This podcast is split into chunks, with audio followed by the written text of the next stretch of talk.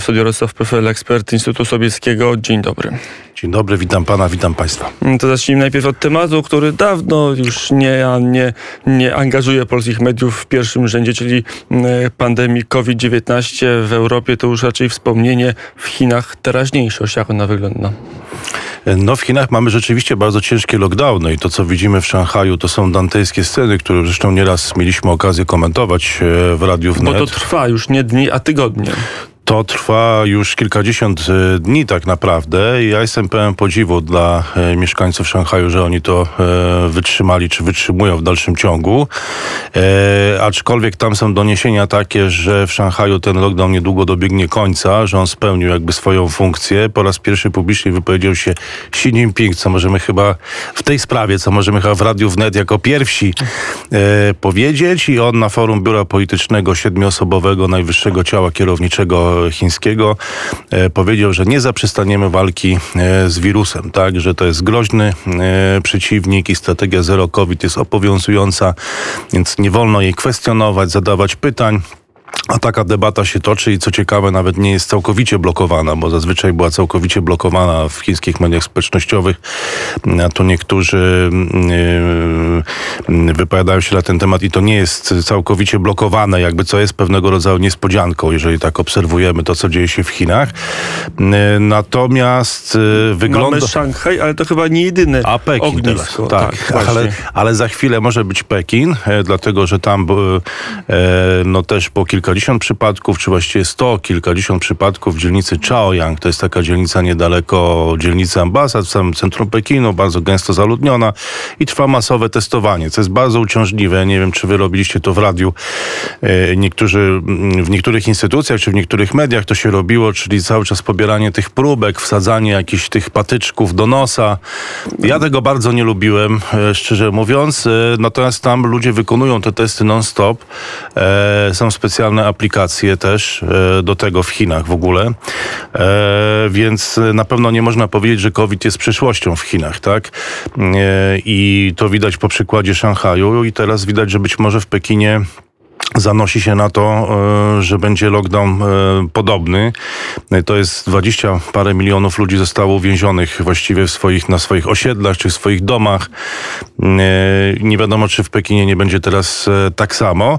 No i to ma olbrzymie reperkusje polityczne czy gospodarcze, powiedziałbym. Do gospodarki jeszcze przejdziemy. Interesuje mnie społeczne na początek, bo gdzieś w polskiej infosferze, czy lepiej zachodnioeuropejskiej infosferze pojawiły się nagrania przemocy, buntów, szarpanin, tak jakby społeczeństwo chińskie, no to w Szanghaju specyficzne społeczeństwo chińskie, ale ciągle chińskie, powoli miało dosyć.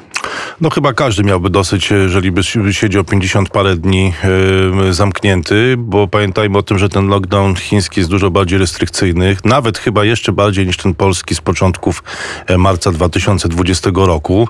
To oznaczało też wielki problem ze zwierzętami domowymi chociażby, bo ile koty mogły sobie jakoś poradzić z tą sytuacją, to psów nie wolno było wyprowadzać na spacer.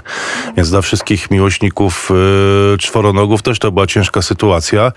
Yy, I niektórzy no, zmieli powiedzmy większe e, mieszkania czy większe domy, to jakoś sobie z tym poradzili, no, a niektórzy no, e, mieli bardzo ciężką sytuację i jak ja to um, oglądałem, co się tam dzieje i rozmawiałem z ludźmi, to bardzo mi to przypominało Właśnie to, co działo się w Europie wcześniej. Hospitalizowano ludzi często stuletnich, także, bo Azjaci żyją dłużej, więc byli mieszkańcy Szanghaju, którzy mieli około 100 lat.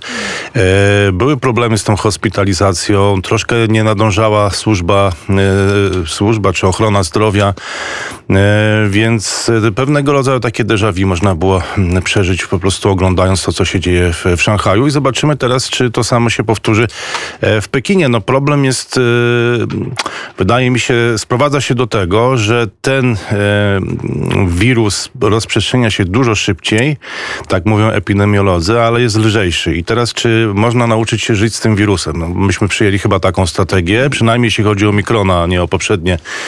E, że staramy się z nim żyć i nie ma, przynajmniej nie ma doniesień prasowych, które by wskazywały, że na przykład e, liczba zgonów gwałtownie rośnie na, na no. COVID, mimo że nie ma żadnych obostrzeń i ten COVID jest obecny obecny w naszym społeczeństwie w sposób naturalny. Ale zobaczymy, co będzie właśnie jesienią. Też jestem ciekaw, kiedy będzie już e, sezon grypowy, jak wtedy będzie wyglądać sytuacja. No ale na razie mamy piękny, wspaniały polski maj, więc Jak powiedzieliśmy, Chiny mają inną politykę i to jeszcze potwierdzają dopiero za słowami Xi Jinpinga, czyli że dalej walczą zero COVID i każdy przypadek będą izolować i napowiadać kwarantannę. Do gospodarki przejdźmy. Kolejne zdjęcie, które zrobiło karierę w polskich mediach, to jest zdjęcie pokazujące e, statki, które czekają na załadunek i, i odpłynięcie z Chin. Na ile to zamknięcie to jest zamknięcie tylko covidowe, a na ile to jest tak, że Chiny z innych powodów postanowiły ograniczać handel? No to jest dobre pytanie. Ja w ogóle myślę, że poruszamy się w takim świecie trochę, e, trochę spekulacji, bo wszystko to, co widzimy w przestrzeni publicznej, to ja bym ocenił na 15-20% e, tego, co dzieje się rzeczywiście. I mówię to jako osoba, no, e, która przez e, jakiś tam czas była insiderem tych, e, tych procesów i to, co widzimy, to są często sprzeczne informacje pojawiające się z wielu stron. Uważam, że e, bardzo trudno jest nam mm, odpowiadać na tego typu pytania, dlatego chcę zaznaczyć, że to są tylko spekulacje i moje osobiste opinie. E, możemy powiedzieć mniej więcej, co się e, dzieje, ustalić pewne fakty i możemy powiedzieć, jakie będą tego skutki. A wydaje się, że skutki będą takie, że Chiny będą krajem coraz bardziej zamkniętym i coraz bardziej odizolowanym od świata europejskiego, od Stanów COVID jest przyczyną czy pretekstem? No właśnie, myślę, że jednym i drugim. Nie jestem w stanie ocenić, w jakim stopniu jest przyczyną, a w jakim stopniu jest pretekstem, ale jest jednym i drugim. Dlatego, dlaczego e, jednym i drugim? Dlatego, że ta sytuacja trwa już od dwóch lat, a nawet więcej. Ona trwa od czasów prezydentury Donalda Trumpa, od czasów wojny handlowej, kiedy ogłoszono takie hasło decoupling, czyli rozejścia się tych mocno ze sobą zintegrowanych gospodarek światowych, czyli amerykańskiej, europejskiej i chińskiej. I to nie zaczęło się z powodu COVID-u, nie zaczęło się wczoraj, nie zaczęło się z, wraz z lockdownem w Szanghaju. E, I to jakby e, po pierwsze. Po drugie, wydaje mi się, że jest to chyba rzeczywiście dobry pretekst, dlatego że wizja Xi Jinpinga, nie siedzę oczywiście w głowie Xi Jinpinga, on rzadko się wypowiada, dzisiaj się wypowiedział e, na temat COVID-u oficjalnie, ale wydaje mi się, że jego wizja jest jednak taka, że on ten decoupling to chce przyspieszyć. To znaczy Donald Trump wyszedł z tą ideą, że odcinamy się od Chin. Widzimy, jak trudno wychodzi to odcinanie się od Rosji. Dzisiaj będą bardzo ważne rozmowy na temat odcinania się od dostaw ropy. Sprzeciwiają się temu Węgry, Słowacja. Zobaczymy, jak to pójdzie w, e, w, w tej części świata. Natomiast wydaje mi się, że Chiny podjęły taką decyzję, że one same, że one same chcą się odciąć. Tak? To, czy one nie czekają już na to, co zrobią Stany Zjednoczone, czy Europa będzie zjednoczona, czy znowu będą tam różnice zdań między Francją, Niemcami i innymi krajami członkowskimi, tylko sami się odcinają. No i w tym momencie COVID jest do tego doskonałą okazją, no bo COVID naturalnie ogranicza. Chiny miały olbrzymią nadwyżkę handlową. Mm. Zarabiały na tym, że produkowały i eksportowały. No, na prosty chłopski rozum w tej podstawowej mentalności zachodnioeuropejskiej to oczenie się Chin wydaje się nieracjonalne.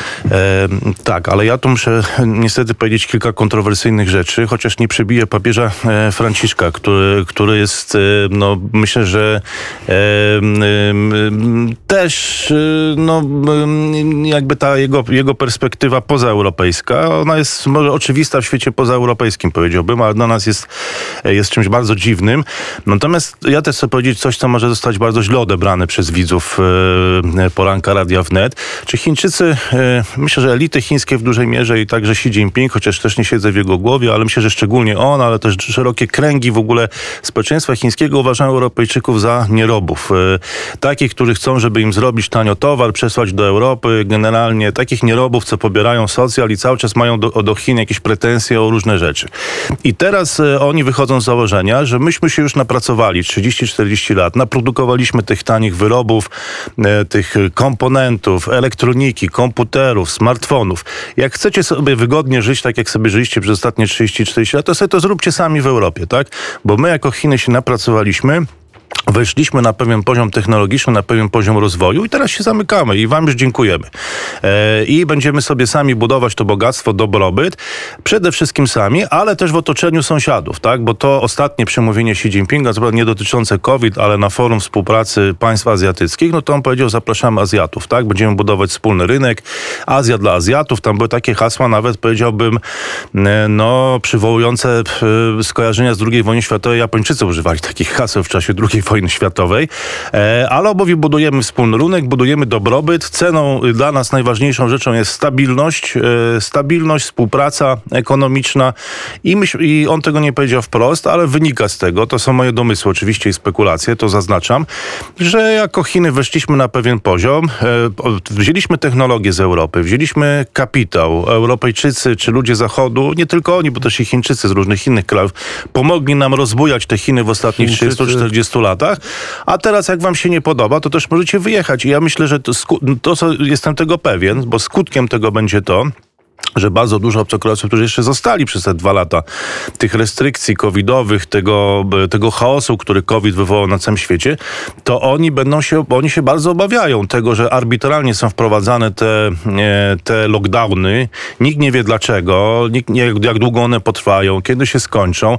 I wielu tych Europejczyków, e, no, którzy siedzą w Szanghaju, ja myślę, że oni, e, nie tylko Europejczycy, ale Amerykanie, no wielu mm, ludzi z, tej, z tego kręgu cywilizacyjnego, że oni być może z Chin wyjadą. I teraz ja nie wiem, czy to nie jest przypadkiem to, co tak naprawdę e, chodzi w tej nowej wizji społeczeństwa chińskiego, e, jego i jego relacji ze światem zewnętrznym, że Europejczycy czy ludzie Zachodu swoją rolę odegrali. Przynieśli kapitał, technologię, Chiny się rozwinęły, osiągnęły pewien poziom, a teraz Europejczycy, jeżeli chcecie mieć tanie smartfony, e, tanie, nie wiem, dobra konsumpcyjne, to sobie zróbcie je sami. I tu dwie strony oceniają, każda ocenia, że jest silniejsza, tak?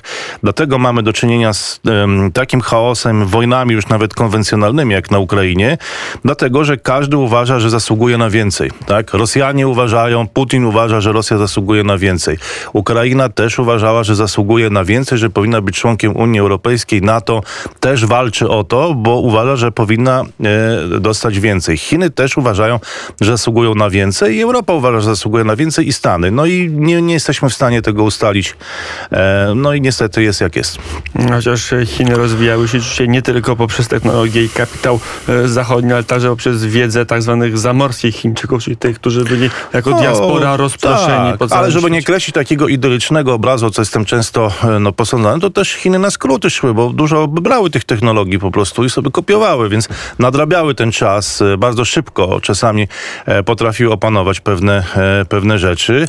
I też, I też chciałbym powiedzieć to może, nie wiem, no, w imieniu ludu chińskiego, bardzo ciężką pracą, bo widziałem no, setki milionów, no może na własne oczy to setek milionów ludzi nie widziałem, ale widziałem całe hotele robotnicze, gdzie ludzie spali na zmianę w pokoju po 8 osób i 8 osób wychodziło do pracy, e, a 8 osób spało w tym czasie, a potem się zamieniali. To naprawdę była ciężka praca ostatnich kilku dekad. E, no i mm, czy to się opłaci? No to zależy teraz od strategii e, makro, którą i elit y, politycznych y, Chin, czy oni ten wysiłek y, swojego narodu, czy go nie zmarnują. E, Zobaczymy, na ile to rozszywanie będzie e, głębokie, jak będzie postępować. Jeszcze jeden temat musimy poruszyć w naszej siłą rzeczy krótkiej, krót, krótszej niż by się chciało e, e, rozmowie. Kwestia relacji Chiny-Rosja, bo pojawiły się informacje, że, że Chiny w jakiś sposób albo przestraszyły się, albo, albo w inny sposób stwierdziły, że nie opłaca im się współpracować z Rosją Putina. Jak to wygląda? Znaczy to musielibyśmy określić, co oznacza współpraca z Rosją e, Putina, no bo, e, bo e, no Chiny rozsiadły się na wzgórzu i no i jeżeli im pasuje jakaś tam formuła współpracy z Rosją, no to z niej korzystają. Ostatnio chińskie firmy, gdzieś tam są takie doniesienia, że podkupują e, po niższych cenach tą ropę, e, ropę z Rosji, wykorzystując sytuację zresztą podobnie jak, e, jak Indie.